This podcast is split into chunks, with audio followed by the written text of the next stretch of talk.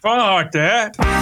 This is the TPO podcast. De vraag is, komt het nog goed tussen Renske Leijten en Sylvana Simons? Van mensen die mij uitmaken als racist en dat nooit Nee, persoonlijk voorzitter. zeggen en nooit een persoonlijke vraag in de Kamer. En weet u, voorzitter, het gebeurt Nee, wachten. altijd. U bent, zo, u bent zo aan de beurt. Wat is de vraag voor CDA-leider Wopke Hoekstra? De vraag is, heeft u de banden verbroken met degene die dat bedacht heeft?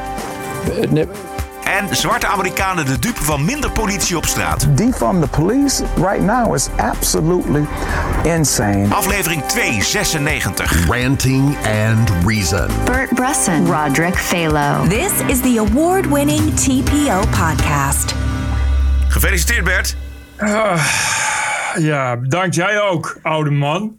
Ik snap echt niet. eh, ik ben nu 46 en dan ben jij, wat zei je, 57. 57. Dus dan ben je 11 jaar ouder en dan loop je al 11 jaar langer met dit leed. Met het leed dat leven heet, bedoel je dit? Zoals Gerard Reven al zei, vanaf, de, vanaf je 40ste is het eigenlijk alleen nog maar richting de dood. Nou, dat is een hele gezellige instelling. Maar misschien ligt het daar een beetje aan. Dat het ook een kwestie van... eh, Ja, dat hoe, je, zou ook hoe, je, hoe je door het venster naar de wereld kijkt. Maar ik, ik vind, eh, want maar ah, boven de 55 is het echt, eh, neemt de, de lot in eh, de staatsloterij die kanker heet. Het is dan, eh, heb je nog ongeveer een hele straat aan- aan loten heb je dan. Ja, maar Bert, luister, dat kan allemaal. En dat is ook. Dat, Wist dat? Ja, maar luister, bedoel, wat heeft het voor zin om eh, tot aan. Misschien worden we 80. En, en dan ga ik, nu heb ik nog 30 jaar. Nee, iets minder. 23 jaar. En, en dan zou ik nog 23 jaar gaan, gaan zeuren, gaan somberen. Nee, dat, Ehm, dat is waar. Terwijl ik ook 23 geweldige jaren zou kunnen hebben. Nee, dat is waar, maar toch. Het is toch, eh, dat denk ik dan toch maar even aan op een verjaardag. Ook om, om de verjaardag wat gezelliger te maken. om, eh, als het zonnetje naar huis dat ik Ja, ben, daar toch een beetje ja. licht en feestelijkheid in te brengen. Wist je, dat is eh, leuk voor alle mensen die ook jarig zijn vandaag, dat Willem Treur is ook jarig. Oké. Willem, van, van harte. Van harte, Willem. We gaan onszelf niet heel veel in het zonnetje zetten. Maar we hebben zo meteen wel wat felicitaties van luisteraars volgens mij. Ja, wel iets. Oké, goed. Ik ben gisteren niet naar de uitreiking van de Podcast Awards gegaan. Oh, niet. Nee, we waren wel genomineerd in de categorie nieuws en opinie, maar eh, we, waren, we werden geen groepswinnaar. En alleen de Nee. groepswinnaars dongen nog mee naar de beste podcast. Dus wat zou ik daar namens ons moeten doen, Bert? Beetje kansloos rondlopen. Dus Oh, ik dacht dat het toch een aparte juryprijs nee, was. ja, het was wel een aparte juryprijs, maar die jury die moest dan kiezen tussen alle groepswinnaars. Nou, daar zaten Oké, wie, wie heeft er gewonnen? Geen idee. Oh. maar Nou, dit was weer leuk. Bedankt voor het Ja. stemmen, mensen. Ja, precies. Eh, iedereen van harte gefeliciteerd die wel een prijs heeft gewonnen. Maar ik ben gisteravond gewoon lekker eh, wat eh, fragmenten gaan knippen. En daar gaan we het resultaat van horen.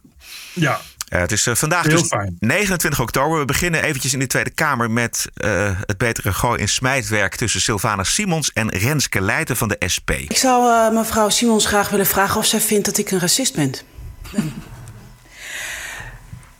Ik weet niet of u een racist bent. Misschien ken ik u daar niet goed genoeg voor. Eh, maar ik moet dan op die gebrekkige kennis die ik van u heb zeggen dat ik op dit moment uitga van niet. Ongelooflijk. Die twijfel bij Simons. Nou, dat is een eh, twijfelend antwoord. Maar dan zou ik de vervolgvraag willen stellen. Waarom het dan nu al, zowel in aanloop naar de verkiezingen als tot nu, al vijf of zes keer is gebeurd dat actieve, prominente bijeeners mij uitmaken voor een racist. Nou. En dat dat dan een enorme Twitterbus wordt die over mij heen dendert. En dat u als partijleider daar niet op ingrijpt. Oh, Voorzitter, Simons. het is mij nog niet eh, onder ogen gekomen dat wat mevrouw Leijten hier beweert. Maar wat mij wel regelmatig onder ogen is gekomen, al ruim voor de verkiezingen, al ruim voordat ik Kamerlid was, zijn de woorden gesproken door prominente leden van haar partij.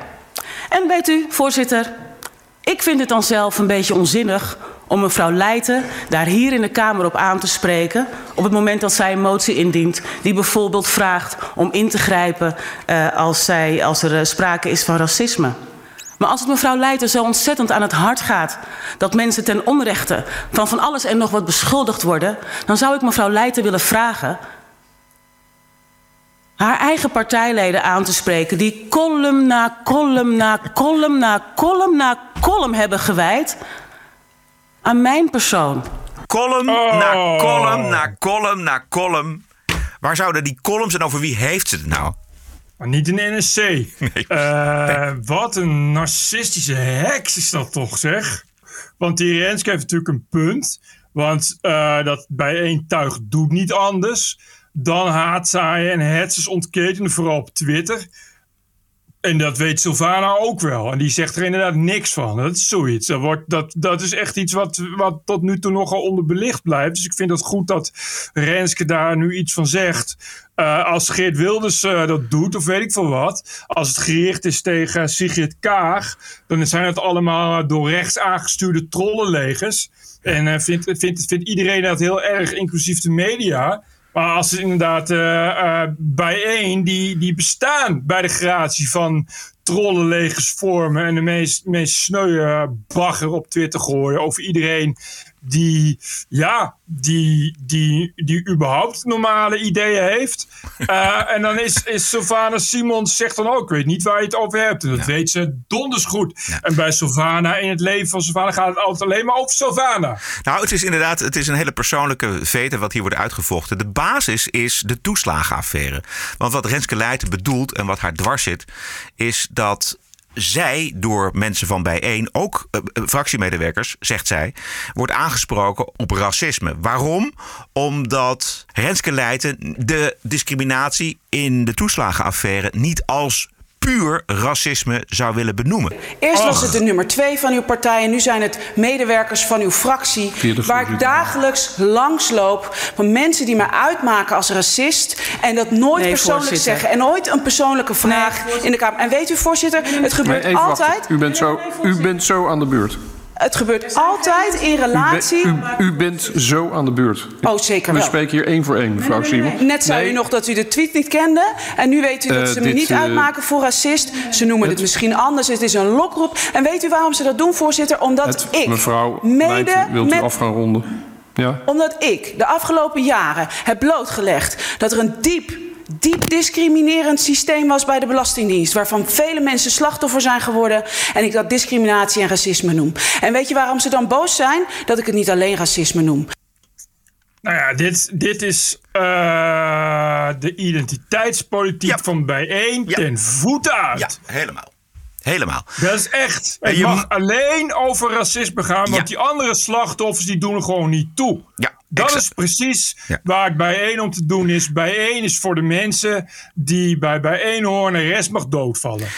Terwijl de autoriteit persoonsgegevens in het onderzoek naar de toeslagenaffaire heeft gemeld dat er wel degelijk sprake is geweest van discriminatie op dubbele nationaliteit, maar dat er expliciet geen sprake is geweest van etnisch profileren en dus niet van racisme. Eh, Het punt is namelijk dat daar overheen gestapt wordt en dat nu weer racisme gekoppeld wordt aan de toeslagenaffaire, wat niet het geval is geweest. Wat nog veel erger is, is dat het, die toeslagaffaire is een schending van Nederlanders. Nederlandse belastingbetalers. Ja. En als je gaat zeggen, ja, het is racisme en etnisch profileren, dan maak je ineens weer die scheiding. En dat is de scheiding die Sylvana normaal niet wil maken. Want je mag vooral geen Marokkanen en Turken zeggen, want het zijn allemaal Nederlanders. Dus precies waar deze zaak over gaat. Nederland, want ik, ik zie het ook. Hè, bijvoorbeeld in de, in de comments op Geen Stijl en, en, en eh, op social media zie je heel veel mensen, of heel veel, maar toch heel veel dom rechts, dat dan zegt van ja, maar het zijn toch weer die allochtonen. Terwijl ik dan denk van ja, maar dat is niet.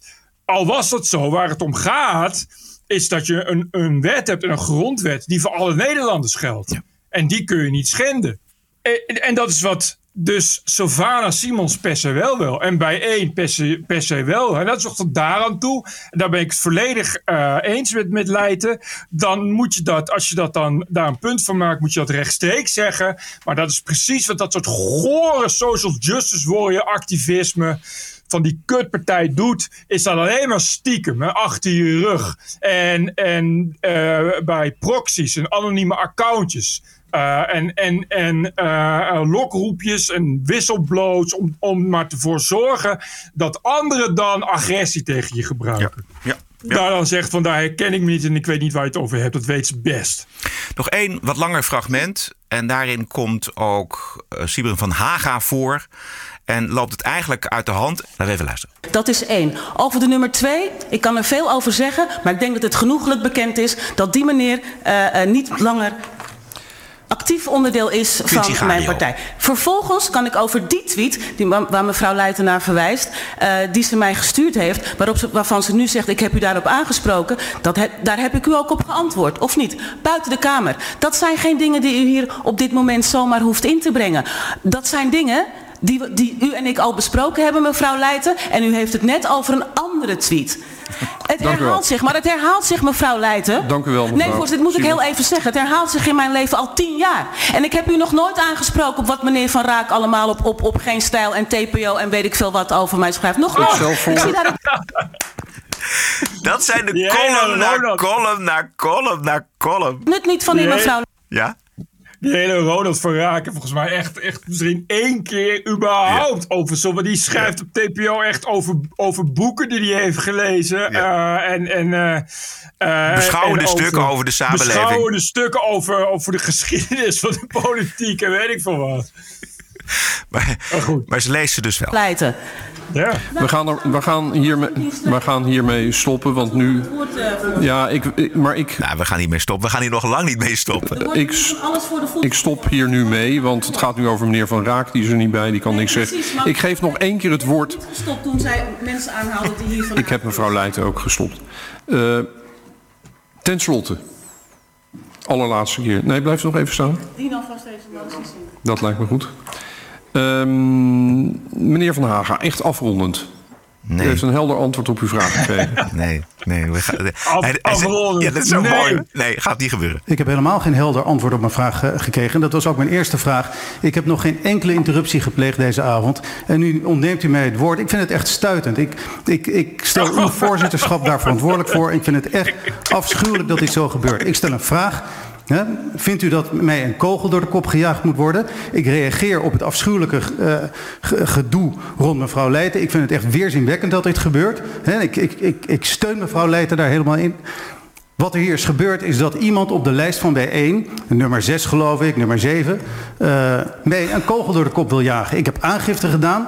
De partijleider staat hier en neemt geen afstand, zegt helemaal niks, doet helemaal niks. En voor zo'n misdrijf dat ik aan de kaak stel, wilt u mij het, woord ontnemen? Het is toch, het is toch Nee, bespottelijk? e- even voor de helderheid, u spreekt mij nu aan. Ik heb u niet om die reden het woord willen ontnemen. Ik heb u het woord willen. Ik, wil, ik heb deze discussie willen stoppen. Eh, u heeft nu duidelijk gemaakt waarom u de vraag gesteld hebt. Eh, dat lijkt me afdoende nu voor dit moment. Nou, Ja? voorzitter, ik wil daar graag op reageren. Afrondend graag. Afrondend graag. De heer Van Hagen heeft mij een vraag gesteld. Of ik vind dat hij een kogel door zijn kop moet krijgen. Een hele directe vraag. Ik heb ook een heel direct antwoord gegeven. Maar meneer Van Haga, u en vele Kamerleden met u hebben boter op de kop. Mij nu zo'n vraag te stellen. Terwijl al, bijna... Voorzitter, soms is het beter niet te spreken. Als u aangifte wilde doen tegen mij of mijn partij, dan kunt u dat doen. Maar nu gratuit op de, op de bandwagon van mevrouw Leijten springen, u moet zich schamen. Echt waar. Dank u, we stoppen ermee. Ja, Nee, we stoppen er helemaal niet mee. daarmee eindigt de eerste, de Nee, nee, nee, nee. nee. tweede termijn. Oh, pardon, we hebben nog meneer Van Hagen. Ja, uiteraard. Lekker met het voorzitterschap. Ja, liet u vooral een klacht in, zou ik zeggen. Ik heb geen tijd meer voor u.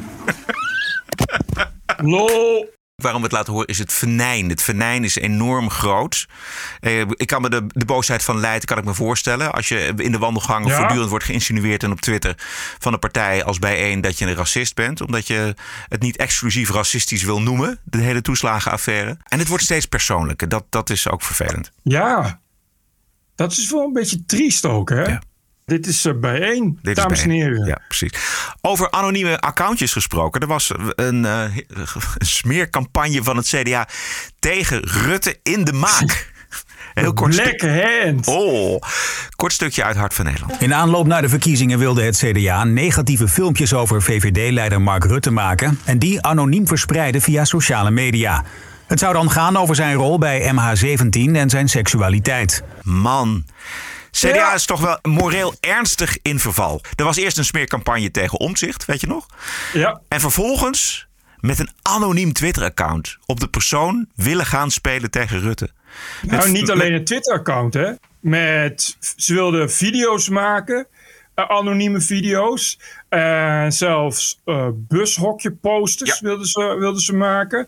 Eh, een anoniem Twitter-account. Ze hebben zelfs zes reclamebureaus aangeschreven. En alle zes, die reclamebureaus, hebben gezegd: dit gaan we niet doen. Want we willen, niet, niet, ja, we willen niets te maken hebben met anonieme smeercampagnes. Dus zo erg was het. Roddels over zijn seksualiteit. Ja, over zijn seksualiteit, over MH17. Zelfs eh, Joris Demming eh, hebben ze, wilden ze erbij halen. Eh, eigenlijk alle falen tot nu toe van Rutte. Dus de bezuiniging op de zorg, corona en het allemaal anoniem. En het allemaal geloof ik door twee mensen Ja. zo'n beetje. Ja, Martin van Putten en Hans van der Wind.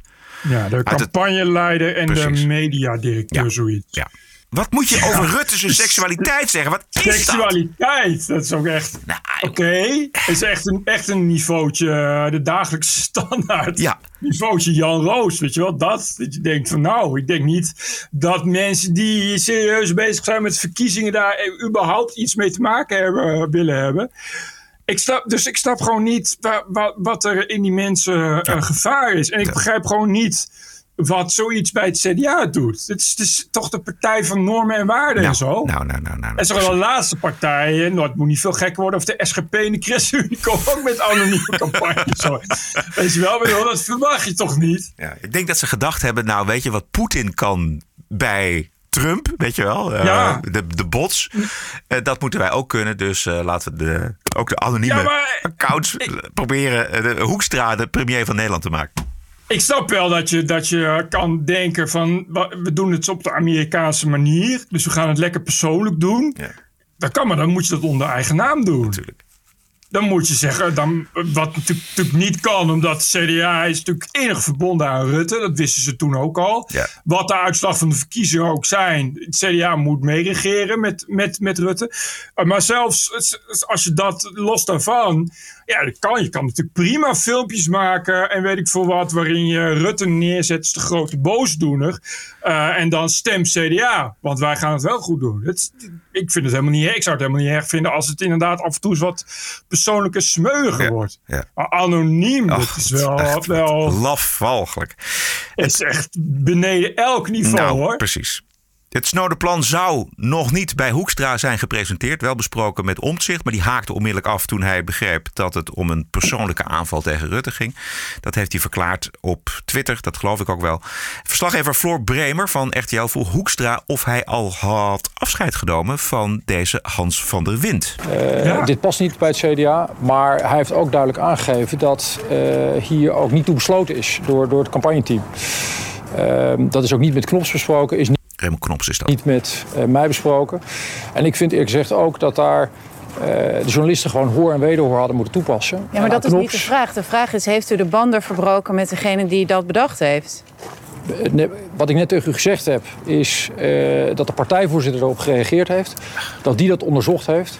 Ja, en daar wil ik nu naar verwijzen. Zwak, hè? Ik snap gewoon niet, waarom zitten die twee luiden nog? Ja, nee, maar dat Je is zegt- precies de vraag. Je, zegt dat, je vraagt toch aan die lui, is het waar? En dan zeggen ze ja, oké, doei. Daar is de deur, want we zijn CDA, heel simpel. Ja, jullie beschadigen de partij. Ja, dit is, dit, is, dit is volgens mij gewoon een overtreding van zo'n beetje alle regels die je, die je intern hebt. Dit zijn gewoon eh, CDA-leden, CDA-prominenten, die wil je niet, niet in je partijkader. Heel simpel. Ja.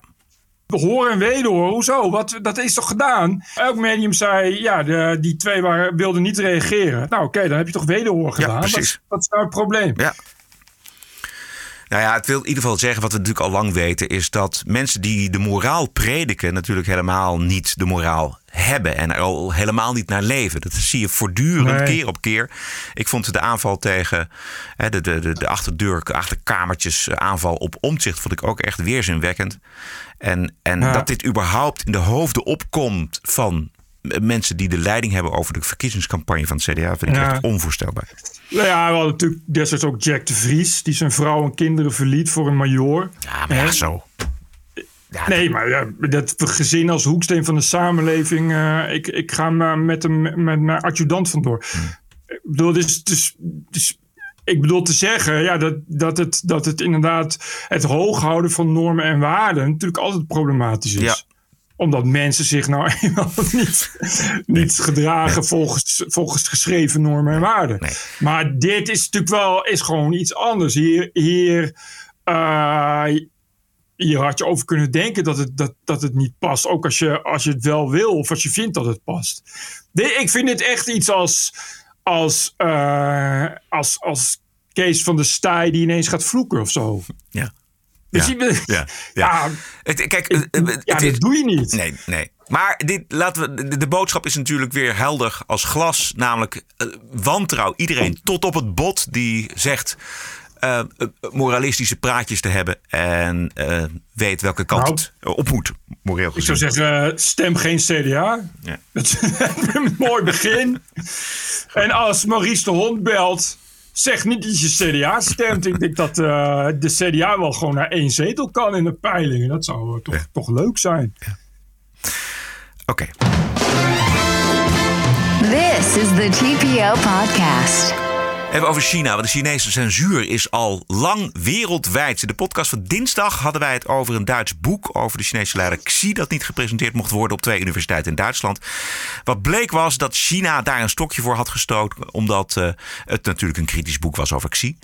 En jij kwam op het spoor, Bert, dat de Chinese censor al veel langer en op veel grotere schaal mensen en bedrijven in het Westen de mond snoert. Ja, En via de website Foreign Policy. ja. Heb jij het gelezen? Ja. Een zaak, Oké, ik niet. Een zakenman. Kijk, nu krijgt u een kijkje in de, in de productie voorbereidingen van de podcast. Nee, ja, ik stuur het door. Want ik, dat doe ik de hele tijd. Dat ik dan iets tegen Ja, dat stuur ik dan door. Ja. Eh, en, dan, en, ik ben heel, heel chaotisch in multitasken. Dus Hmm. dan ben ik ineens weer, doe ik iets anders. En dan vergeet ik weer dat ik dat wilde lezen. Oké, ja, precies. Nou goed, op de website Foreign Policy, dat is een serieuze website, daar staat het verhaal van een zakenman en activist. Eh, Bill Broder. En die kreeg van het Britse ministerie van Buitenlandse Zaken de waarschuwing dat hij niet naar landen als Portugal en Zuid-Afrika moest reizen. Omdat die landen een uitleveringsverdrag hebben met Hongkong. En dat hij uitlevering riskeert. Moet je je voorstellen. Dat ze ook in Portugal zeggen, oh prima. Ja, nou ja, goed, dat is nog even de vraag. Maar ze, ze hebben een uitleveringsverdrag. Dus stel dat die Brit, die zo kritisch is op Xi, op vakantie naar Portugal zou zijn gegaan. En de Chinezen hebben dat door, die weten dat. Die, zeggen, die Chinezen zeggen, nou, le- lever maar uit. En als je een uitleveringsverdrag hebt, dan is het nog maar de vraag of Portugal zegt, nou, dat gaan we niet eh, doen. Maar, dat is toch, maar hebben ze een uitleveringsverdrag met Hongkong of met China? Nee, met Hongkong. Maar goed, dat is inmiddels is dat eh, natuurlijk eh, door China Ja. ingelijfd. Ja, oké, maar dan misschien was het al een oud verdrag. Maar hoe dan ook, ik, ik, begrijp, ik begrijp wat je zegt. En het is bizar dat dat zomaar kan. Ja. Het is bizar dat, eh, dat, dat een, een Portugal, het is gewoon een keurig EU-land. Ja, ja. De- niet, niet denkt, oh, het Chinese regime, wat kan daar nou mis mee zijn? Weet je, waar, daar kun je gerust onderdanen aan uitleveren of zo. Dat wat, en de enige reden waarom er niks tegen gebeurt is handel. Ja, en naïviteit. Precies, handel en En- naïviteit. Nou ja, en naïviteit en dus angst voor diplomatieke gevolgen. Ja. Denk ook Ja. aan de Chinees-Indische restaurant. Ja. Zoals de Gouden Muur.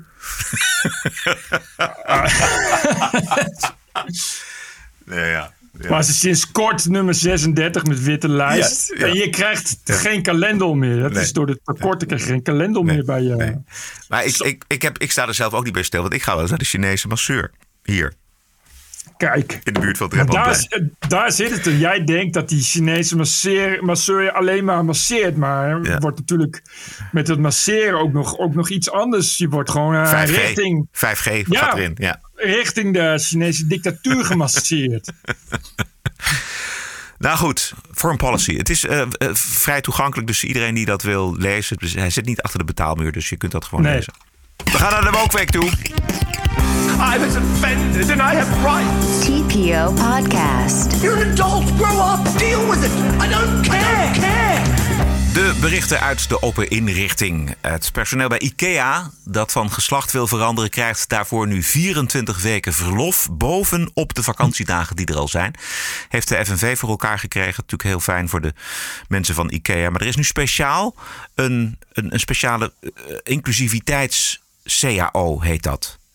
FNV-bestuurder Danielle Wiek Right. zegt... in Nederland zijn veel cao's nog gericht op de traditionele man-vrouw verhouding.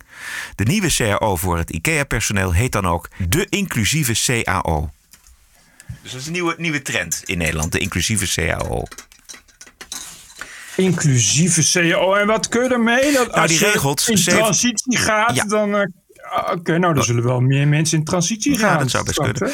Eh, dan hoef je dus niet meer apart verlof op te nemen, maar je krijgt maar liefst ze- 24 weken krijg je verlof. Ja, dat is misschien voor de hele ombouw is best wel heftig. Ik, ik hoorde gisteren van Annabel Nanninga dat Amsterdam ook een inclusieve begroting heeft. Oh, kijk. Dus we krijgen steeds meer van die algemene zaken, cao's, begroting, die dan het, de term inclusief krijgen. En dat is, geeft meteen, is meteen een stempel, een, een goedkeuring van het moreel klopt het. Ja. Eh, f- in Utrecht, de politieke partij GroenLinks zit daar ook in het bestuur. En Ja. wethouder diversiteit, raciale kenmerken, huidskleurencodes en andere waanbeelden is Linda Voortman. Ja, En Linda Voortman die zegt... die kennen we. Die kennen we precies. Vanaf 2026 heeft zij gezegd: moet 20% van de werknemers in schaal 12, ik weet niet wat dat is, eh, een migratieachtergrond hebben. De doelstelling van Voortman is het belang van diversiteit in de hele organisatie nog eens extra te onderstrepen. Maar ze zegt ook tegelijkertijd: het is geen wondermiddel, een quotum. Dus zij weet ook wel dat het niet gaat lukken. 20%. Ja, En schaal 12 is natuurlijk eh, senior of zo, hè, managementniveau. ja. Dus dan moet je ook een relevante opleiding en een relevante ervaring hebben. Ja, die zullen er niet zoveel zijn. Tel daarbij op dat er inderdaad heel veel mensen van allochtone afkomst nog niet echt zin hebben om in, bij de gemeente Utrecht te gaan werken. Nee, dat, Dat zou, dat zou ik ook niet willen. Ik bedoel, eh, ja, dus dat zou wel eens een probleem willen zijn. Dan kom je precies hetzelfde uit als waar die sukkels van Volt ook op uitkomen. Dat je, dat je niks meer kan, omdat je per se aan je rare eh, identiteitspolitiek gestoorde ideetjes wil houden. Ja, maar, maar ondertussen gaat dus Voortman wel zeggen dat het betekent, dit, dit, dit, dit, dit quotum kan betekenen dat sollicitanten met een Nederlandse achtergrond in de praktijk minder kans maken. Dus het is toch weer huidskleuren tellen. Tuurlijk. En dat is het altijd in de praktijk. Bedoel, dat is waar het op neerkomt. Dat is het probleem van, van, van GroenLinks en Bijeen en D66. Dat het in de praktijk verder nooit veel meer voorstelt dan eh, omgekeerd discrimineren en, en, eh, en blanken tellen. Behalve dan als het, om bestuursposities gaat natuurlijk. Nou ja, ik zou, mijn voorstel was, Linda Voortman kan wel roepen dat blanke mensen plaats moeten maken voor mensen van allochtone afkomst. Maar laat, er- laat zij dan zelf het goede voorbeeld geven. In Rotterdam eh, is de eerste gemeente van Nederland die alle straatnamen gaat voorzien van uitleg. Goed dat, goed dat het alle straatnamen betreft, want D66 wilde heel graag dat de uitleg alleen voor koloniale en slavenstraten zou gelden. Maar de VVD-wethouder Vincent Karremans die heeft daar absoluut geen zin in. Eh, en die zegt gewoon: alle straten in Rotterdam krijgen een uitleg. Anders krijgen we dus goede en foute straten.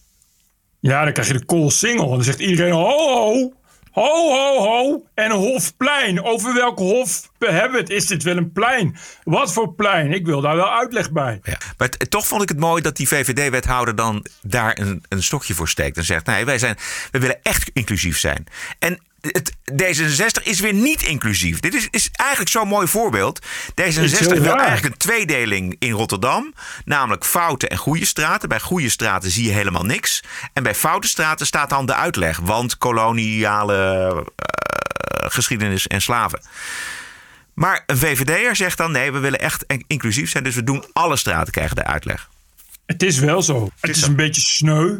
Eh, omdat er natuurlijk helemaal niks valt uit te leggen aan een heleboel straten, maar toch. En, en, en dan krijg je dus inderdaad dat er straks een uitleg staat onder, eh, onder de lijnbaan. Ja, dat was eh, vroeger voor het weven werden hier de lijnen uitgerold. Ja, maar toch vind ik dat interessant, Bert. Dat vind ik, mij, ik vind het prima Ja. dat, dat je zo wordt geïnformeerd. Is toch leuk? Uh, ik ook, maar je kan toch niet, toch niet uh, uh, de zwenkgras en de vogelwikken een uitleg onder gaan zetten. De dorpstraat. Of de koolsingel. Ik weet niet, dat zal wat te maken hebben met iemand die kool heet of zo. Nou, ja, dat- toch dat wel- weet- ja nee, dat is toch wel interessant. Ik geef het Stationsplein. Ja, Ik zoek eventjes Koolsingel op of daar nou al wat. De naam Koolsingel is afkomstig van het ambacht kool. Het Oh. ambacht kool komt reeds voor omstreeks 1280. In 1596 kocht de stad de ambacht heerlijkheid kool. Nou ja, goed. Weten we dat ook weer.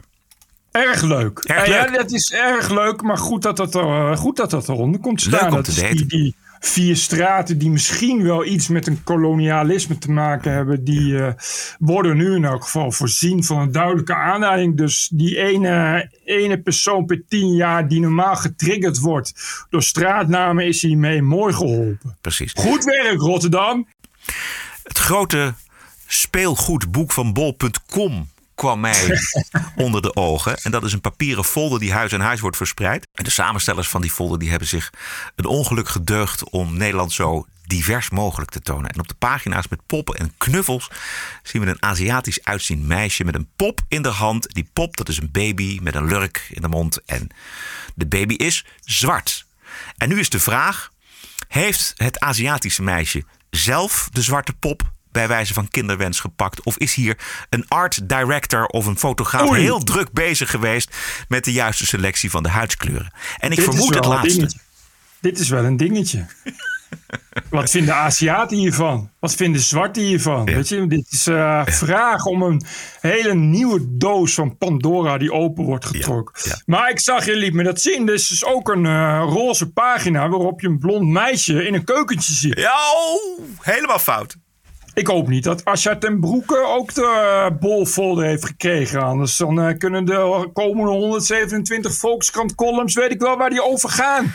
Hoe rolbevestigend kun je het maken als bol.com? Seksisme. Een meisje, Foei, Bol. Foei. een, een meisje in een speelgoedkeuken neerzetten. Alhoewel je ook kunt afvragen waarom in godsnaam Bol met een papieren folder Ja, komt. dat is ook grappig. Dat hè? vind ik dan ook alweer een hele geinige ironie. Er is een eh, webredactrice van de BBC die wordt aangevallen door een woke menigte vanwege het publiceren van ervaringen van lesbiennes die seksueel belaagd worden door transvrouwen. En Ja. de web, webredactrice die heeft haar Twitter-account al gesloten. En de verhalen, Bert, zijn onvoorstelbaar. Jij stuurde mij dat op. Lesbiennes die van transvrouwen de verwijten krijgen dat ze alleen op biologische vrouwen vallen. En dat een penis net zo goed een vrouwelijk orgaan kan zijn. Als je dat, dat zijn dus lesbische vrouwen die ontmoeten eh, andere vrouwen die eerst man waren.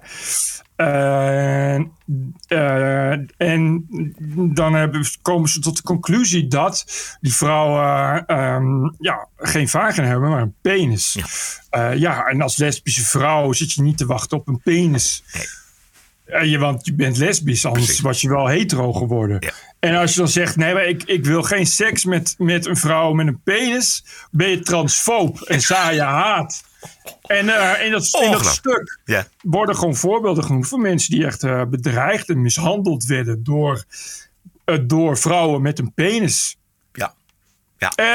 Ja, en dat is iets wat ik vaak. Ik zag op Twitter ook al. Daar zie je dus transgender activisten die dan screenshots van Tinder delen. Eh, dat ze dan eh, eh, nou, laten zien dat dan in dat gesprek, dan zegt, zegt dan, hebben ze bijvoorbeeld een man aan de haak geslagen. En dan zegt hij, ja, ik ben wel transgender, dus ik heb een piemel. En dan zegt die man, ja, maar daar heb ik geen trek in. Ik wil een vrouw met een vagina. En dan wordt er gewoon geshamed met dit is een transfoob. En dan ben je aan het haatzaaien. Terwijl je denkt, nou, het moet toch niet veel gekker worden. Ja. Er zit toch wel, eh, als je, dat je jezelf vrouw wilt noemen is prima. Maar als je een piemel hebt, ben je toch echt qua geslacht gewoon een man. En qua gender misschien wel een vrouw, maar het gaat ook om geslacht. Hè? Dat is waar mensen gewoon op vallen. Dat is gewoon een gevoel. Ja, ja precies. Ja, ja, dat wordt je verweten. Ik las ook een verhaal van een, van een vrouw, een lesbische vrouw, die door haar eigen vriendin beschuldigd werd van eh, transfobie. Omdat ze geen triootje wilde met een transvrouw. Een transvrouw die had een penis. Dus dat was, dat, daar kun je. Ja, nee, precies. Hè, dat, dat moet je lesbische vrouwen niet opdringen. Eh, sowieso moet je geen seks laten opdringen. Maar daar, nee, dat, dat bedoel ik. Nee.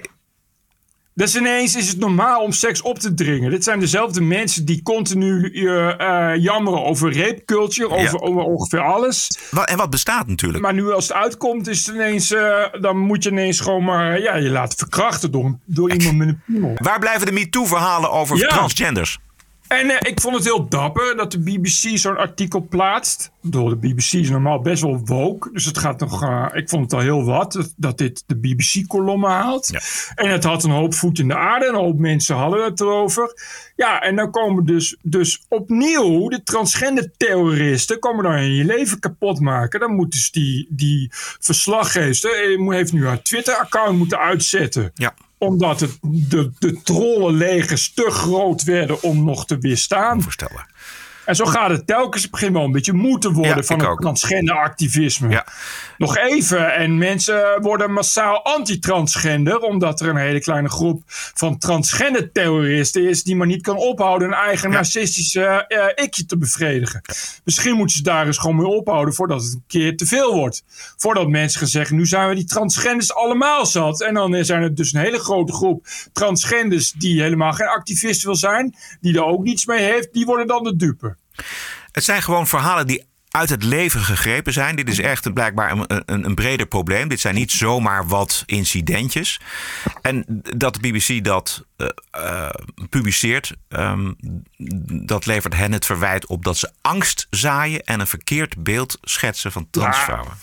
Het moet hem wel. Het, ik begin er helemaal ziek van te worden. Elk woord dat je zegt over trans is dan haatzaaien, angst zaaien, eh, eh, eh, eh, transfoob. Nou, moet wel een keer ophouden. Het is prima als je een discussie wil voeren. En prima als je vindt dat je bij een groep hoort, hoort die geëmancipeerd moet worden. En prima als je, als je kritiek erop levert.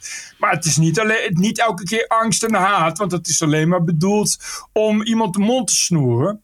En dat pikken mensen niet. Dus elke keer als je tegen René van der Grijp gaat zeggen dat hij geen grapjes mag maken als hij een pruik draagt, gaat hij dat wel doen. Tuurlijk. Terecht, want hij laat zich de mond niet snoeren. Eh, en Dave Chappelle zegt nu: I will not bend. Wat er ook gebeurt, I will not bend. Dus je kan eh, eh, eh, hoog springen en laag springen. Je kan hem cancelen wat hij, wat hij wil. En dat gebeurt dus nu, want hij had een documentaire gemaakt. En die wil nu niemand meer uitzenden of produceren. Omdat Dave Chappelle zogenaamd transfoob is. En Dave Chappelle zegt: Oké, ik ga niet daardoor meer mijn bek houden. Bekijk het maar. Ja. En Dave Chappelle gaat nu nog heel veel transgender grappen maken. Omdat het kan en omdat het mag. Net zolang tot die mensen inzien dat je niet met activisme iets bereikt. Maar het tegenovergestelde.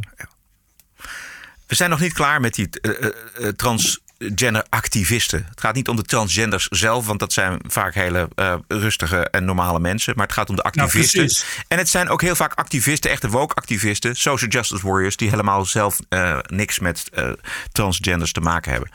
Even een, een Orwelliaanse taaltip van de faculteitsraad op de Erasmus Universiteit. Een nieuwe handleiding. In de handleiding staat.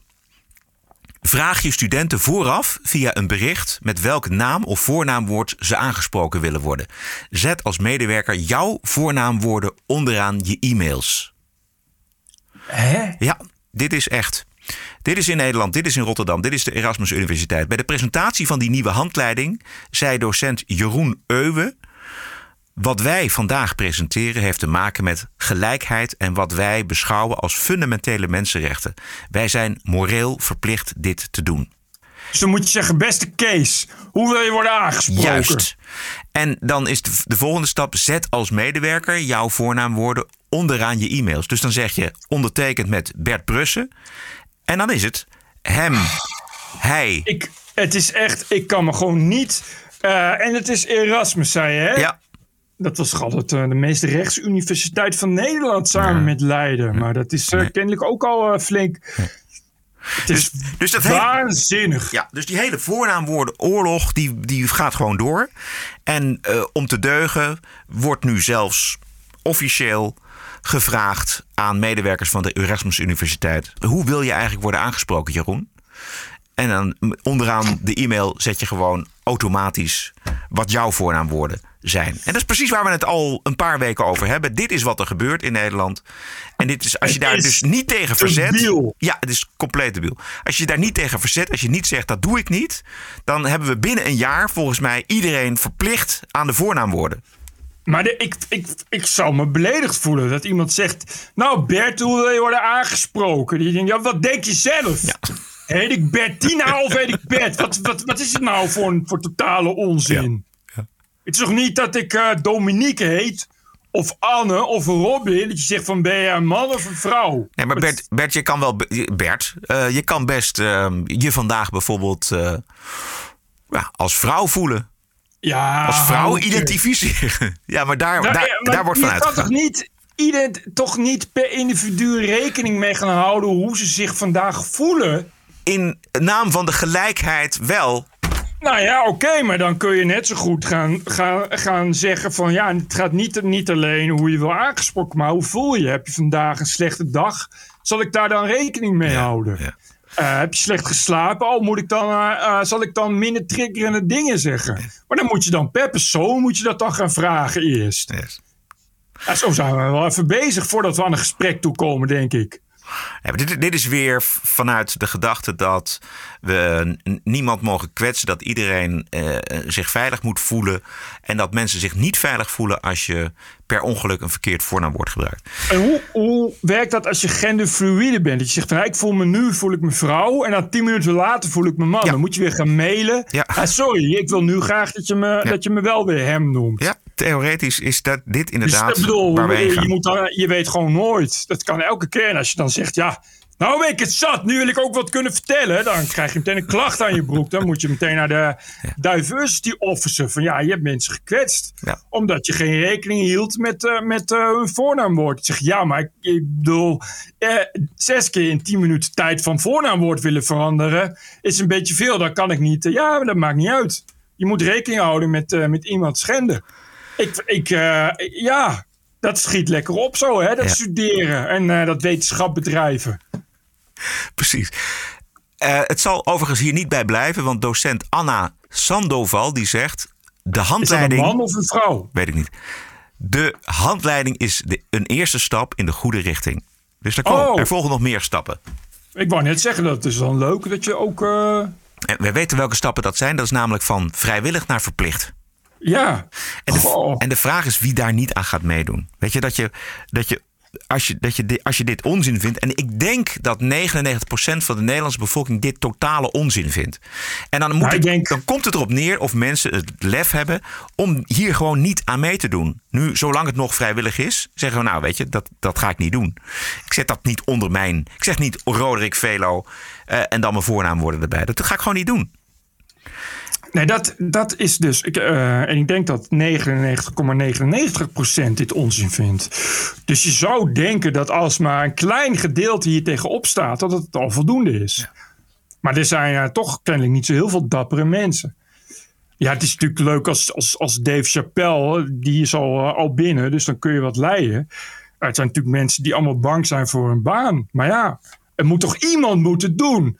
Als het niet gebeurt, wordt het steeds erger. En ik, je krijgt dus straks dat, je, eh, dat het kwetsend is om hetero te zijn. Dat het kwetsend is om blank te zijn. Ja, Ja.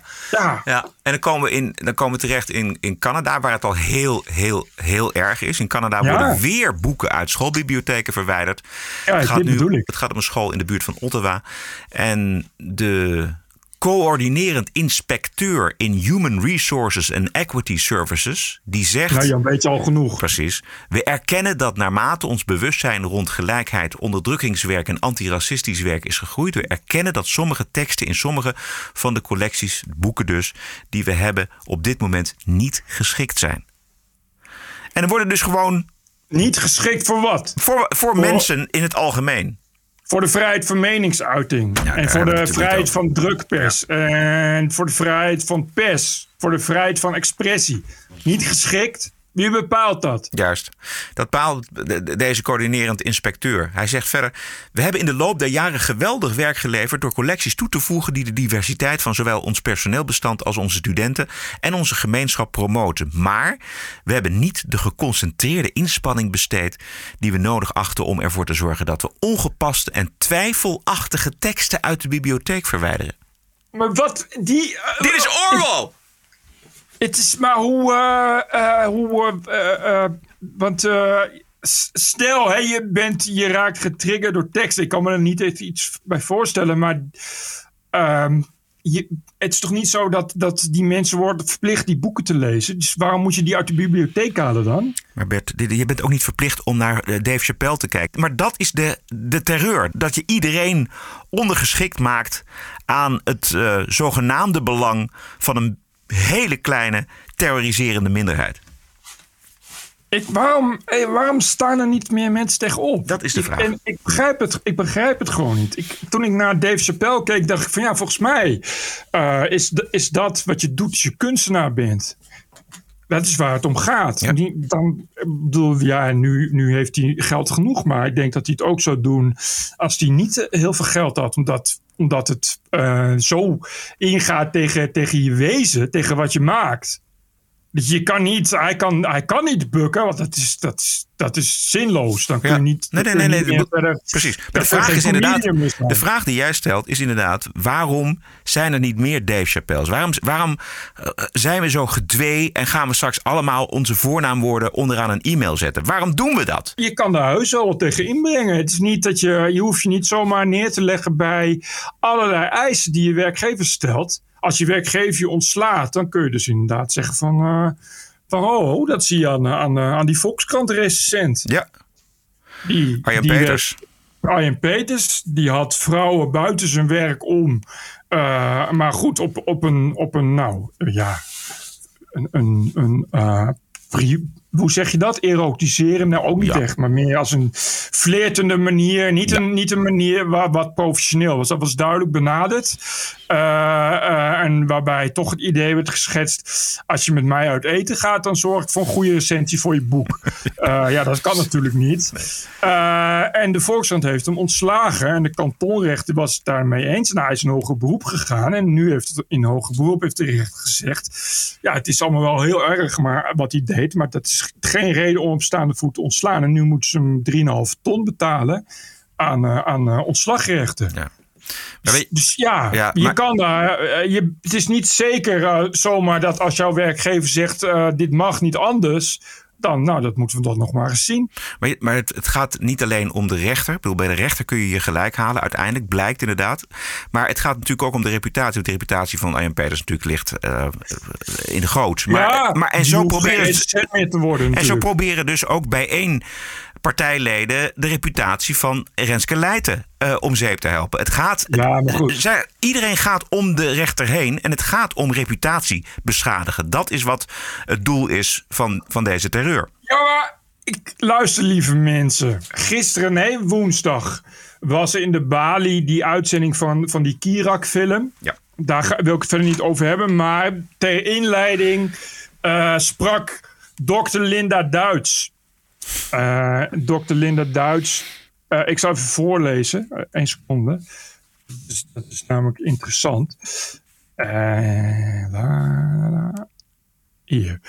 Even kijken. Eh, Linda Duits eh, las voor dat ze vroeger voor TPO, toen nog de Jaap. Eh, zo gebeurde het dat ik een van de medeoprichters van de Jaap was. De voorloper van het huidige De Post Online. Ik was als adjunct hoofdredacteur verantwoordelijk voor de selectie van stukken en de eindredactie. Ik zeg graag op borrels om mensen te chockeren dat het bestaan van TPO mijn schuld is. Om me daar vervolgens voor te excuseren. Eh, mijn deelname werd niet door iedereen gewaardeerd. Samenwerken met Bert Brussen maakte me de vijand. Een linkse moffenhoer, zo je wilt. Ik werd uitgescholden en bedreigd. Eh, het woord werd toen nog niet gebruikt, maar er waren mensen die me probeerden te cancelen. Le- Let wel, dat was in 2009. Dus eh, ik was in 2009 al, eh, bedoel, was mijn reputatie al aan het diggelen.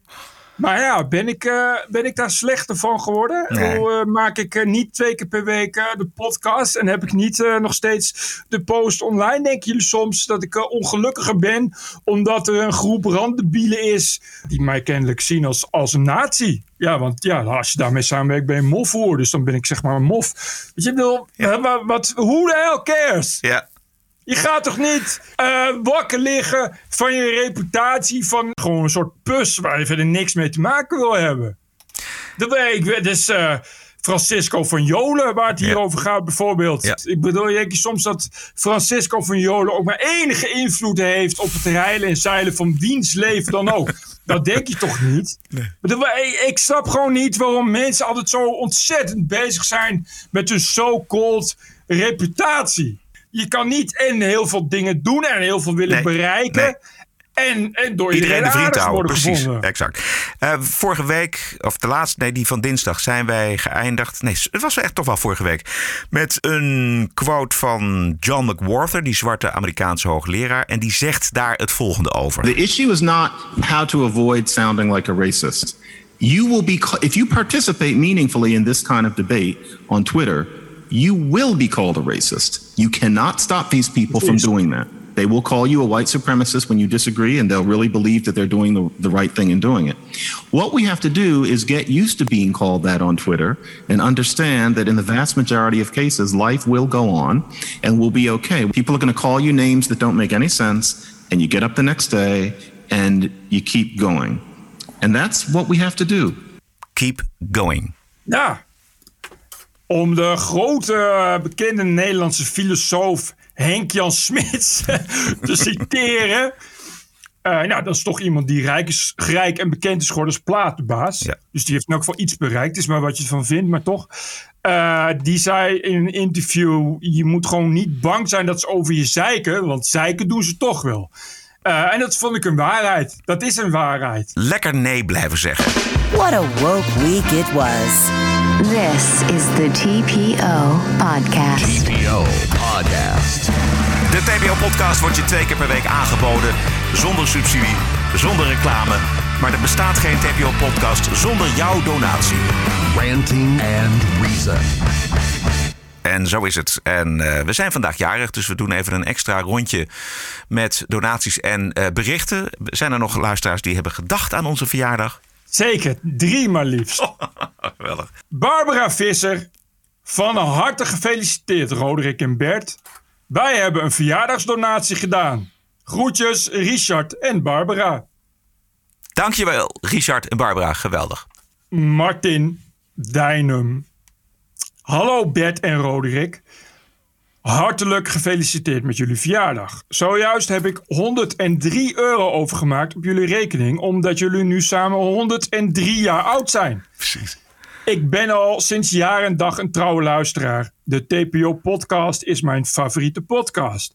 Jullie anti-woke geluid is belangrijk. Zeker in een tijd dat woke-gelovigen staalhard ontkennen dat woke een probleem is. En dat het alleen maar om een positieve emancipatiebeweging gaat.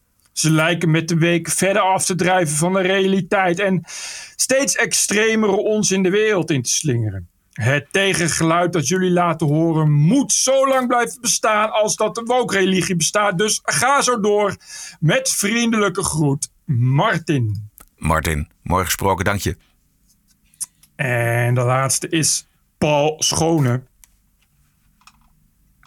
Heren, ik luister jullie podcast al vanaf het prille begin en doneer een vast bedrag per maand. Vandaag een dik verdiend verjaardagscadeau van 250 euro. Voor een huis op eh, La Palma of een paar biertjes in Amsterdam. Jullie podcast is telkens weer een heerlijke afleiding voor in de auto. Dan hoef ik niet naar extreem linkse DJ's te luisteren of naar het Uber Woke BNR. Met name de Woke Week is een feest van herkenning. PS, ook de technische kwaliteit van jullie podcast is erg goed in vergelijking tot veel andere podcasts. Ik hoop nog lang te mogen blijven genieten, heren. Dank. Met vriendelijke groet, Paul Schone. Dankjewel, Paul. Dit waren ze. Dit waren ze. Wilt u ook doneren voor het uh, voortbestaan van de TPO-podcast? Dat kan natuurlijk via tpopodcast.nl. En schrijven kan altijd via info.tpo.nl. De TPO-podcast zit niet achter een betaalmuur. Hij is vrij verkrijgbaar, twee keer per week. Maar hij wordt niet kosteloos gemaakt. Er gaat tijd, liefde en noeste arbeid in. Dat geeft de podcast waarde. Hoeveel waarde? Dat bepaal jij. Een biertje in de kroeg kost je zeker 3 euro. Een tosti daar 5 euro. Een maandje Netflix is al 14 euro. Wat is de TPO-podcast je waard? Ga naar tpopodcast.nl en doneer. Keep the show running. Want wat geen waarde heeft, is geen blijvertje. Dus ga naar tpopodcast.nl en doneer. En hartelijk dank. TPO Podcast. Ladies and gentlemen, the President-elect of the United States. This is CNN breaking news. We have never, ever, ever, ever failed in America. It's an incredible way of putting it. Telling the truth matters. It's an incredible way of putting it. This is a Russian intelligence disinformation campaign. Why isn't Joe Biden angrier about all of this? How stupid can you be? This is a classic example of the right wing media machine. It just lacks credibility. Go ahead. Het grote succes van Black Lives Matter en de progressieve bestuurders van Amerikaanse steden is Defund the Police. En in een stad als eh, Minneapolis is ruim 7 miljoen dollar al bezuinigd op eh, law enforcement. Eh, moordcijfers van Chicago, New York tot Los Angeles omhoog 40 tot 73 procent. En minder politie op straat is meer moorden en criminaliteit. En wat doen progressieve politici als zij worden geconfronteerd met hun eigen falen? Die verzinnen een Nou? list. Die verzinnen een list. En dit is de afgevaardigde Ilan Omar deze week in een gymzaal in haar stad Minneapolis. We must also recognize is that the reduction in policing currently in our city and the lawlessness that is happening um, is due to two things. One, the police have chosen to not fulfill their oath of office. Dit geloof ik. Er heel weinig van. Oké. Zij zegt, we hebben te maken met een crime rate. We hebben te maken met eh, heel veel Ja. criminaliteit en moorden. En hoe komt dat nou? Dat komt omdat de politie zich niet houdt aan zijn belofte om de criminaliteit te bestrijden. De politie wil zich wel aan de opdracht houden. Maar, maar ja, als er te weinig personeel is, houdt dat een beetje op. Iedereen met een beetje verstand ziet, ja, dat heb je nou eenmaal. Als je de politie weghaalt, dan kunnen criminelen krijgen vrij spel. En weet je, het, de- opdracht is ook eh, niet alleen aan de politie, maar ook aan de mensen in die stad. om bijvoorbeeld een beeld te krijgen van hoe het nou echt moet. Dus je moet eigenlijk, en dit is een, een zeg maar iets echt uit de progressieve groegemeente in Amerika. Dit is een woordvoerder van Black Visions Collective op MSNBC. I want to ask them to reclaim their imagination and then ask them to dream of a public safety system that can keep folks safe and also not murder people. Dus dit is het beleid. Heel hard dromen dat je een utopische, gezellige samenleving krijgt. En dan komt het vanzelf, Bert. Ah, het lijkt Amsterdam wel. Het, eh, straks krijgen ze nog waarnemers bij de politie. Het probleem is ook, weet je, wie deze moordcijfers en de slachtoffers zijn natuurlijk weer die zwarte Amerikanen. Want buurten worden nog onveiliger. En de zwarte inwoners en ondernemers die trekken dat hele modieuze, radicaal linkse gewauwel voor geen meter. Dat kan ik me goed voorstellen. Het is een klein stukje uit een reportage van toch niet de meest conservatieve tv-zender MSNBC. You think this movement causes harm? Think. Let's look at the facts. It has caused harm. Across Minneapolis, homicide rates last year soared to multi year highs, a pattern mirrored in other large cities. But this spike was met with a thinner police force. The department down nearly 200 officers since last year, the result of retirements, resignations, and more than 100 officers taking extended leave. To defund the police right now is absolutely insane. As a black man. Natuurlijk is het insane. Ik kan me gewoon niet voorstellen dat er echt heel veel mensen zijn die ervoor zitten. Volgens mij is het een heel klein clubje wat dit allemaal heeft veroorzaakt. precies. Ik heb nog een bonus Bert. Ik had nog één klein dingetje. Dat was zo'n. eh, ik zag een overzichtje van eh, de best bekeken eh, nieuws shows in Amerika. En het was een top 20. Ja. Uh, en in de 20 staan uh, 18 programma's van Fox News, twee programma's van MSNBC. Uh, en MSNBC is alleen Rachel Maddow, die kwam op de vijfde plaats. En de top 5 is helemaal van Fox News. En uh, CNN kwam geloof ik pas op de 26e plek. Ah. Ja, en dat is, uh, als je dan ook kijkt, dat dan CNN wordt dan, dat is dan 1 miljoen kijkers of zo. Wat, wat, wat duizelingwekkend laag is als je bedenkt Amerika, wat heeft dat, 350 miljoen inwoners Ja, ja, ja. Helemaal niemand. Kijk dan, je kan echt, als je dan langs de huizen gaat om te kijken wie heeft op dit moment CNN aanstaan, ben je heel lang, heel lang. Ben je heel lang aan het, aan het rondlopen. Ja. Maar Fox News domineert volledig echt, echt, uh, uh, echt, echt de, de, de nieuwsshows. Ja. Gewoon niemand wil nog naar, naar uh, CNN kijken. Nou ja, uh, dat zou kunnen duiden op een. Ja, dat we dan toch na Biden toch weer een andere president krijgen. Ja, dat wordt dan weer Trump. Ja. Die kans is dan groot natuurlijk. Ja. De bonuskort. TPO Podcast. Ja, we eindigen waar we begonnen in de Tweede Kamer namelijk. De bonusquote is een moment in de Tweede Kamer waar uh, de altijd zo rustige Martin Bosma uh, toch eventjes venijnig werd naar D66-Kamerlid Joost. naar Ja. D66-Kamerlid Joost Sneller. Die laatste onderbrak Bosma tot twee keer toe. Terwijl, eh, zo wordt er gewoon niet gedebatteerd in de Tweede Kamer. Want men spreekt altijd via de voorzitter. En dat moet die Joost Sneller toch ook weten? Voorzitter, de Tweede Kamer is op aarde om de regering te controleren. Dat is, uh, dat is onze core business, dat is wat we doen. En de heer Sneller die gebruikt zijn termijn, en die vrijheid heeft hij hoor... om nu Kamerleden toe te spreken en te zeggen de Kamer dit en de Kamer dat. Ja, dat is niet waarom we hier bij elkaar zijn vandaag. Um, als we nou gewoon eens even kijken naar Binnenlandse Zaken... en we kijken naar uh, D66 bij de begroting van de koning... Uh, vierde de heer Sneller dat zijn partij 55 jaar bestond. Zijn partij is opgericht voor democratische hij was er niet, vernieuwing. maar hij luisterde wel. Ja, ik heb, Meneer Sneller, u ik heb, komt met wel veel belang, ik heb met veel belangstelling luister, Meneer Bosma. ik luister altijd als de heer Sneller spreekt. Kom dan gewoon in de zaal. Eh, Sorry. meneer Sneller, wilt u dit niet doen? Voorzitter, het lijkt de Albert Kuipmarkt wel hier zo... maar dat als er een of andere viswijf eh, door mij heen staat te bleren. Kom op zeg. Het is waar. Het is waar. Sneller lijkt, uh, sneller lijkt uh, Sylvana Simons wel. Dus uh, Sylvana Simons van D66. Ja, precies. Go, Bosma. Ja, hij was toch echt geïrriteerd eventjes, merkte ik. Ja, maar dat kan ik me voorstellen. Ja. Goed.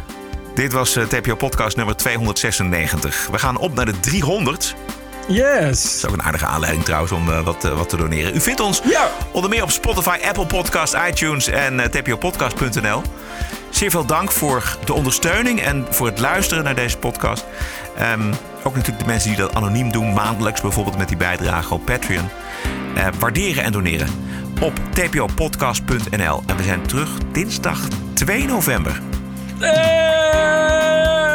En tot dinsdag. En nog een prettige verjaardag, Roderick. En jij ook, Bert. Stay cool. TPO Podcast. Bert Bruson, Roderick Balo. Ranting and Reason. We still have comedy, though. We still have great comedy out there. There's always rambling Joe Biden. What the f? Joe is like your uncle who's on a new drug and hasn't got the dosage right. when FDR was on television, there was no TV back then. Come here, Joe. Sit down. Podcasting is the TPO podcast in the Netherlands. Bert and Roderick. What a show. I'm telling you. Keep the show running. Go to tpo.nl slash podcast. Thank you.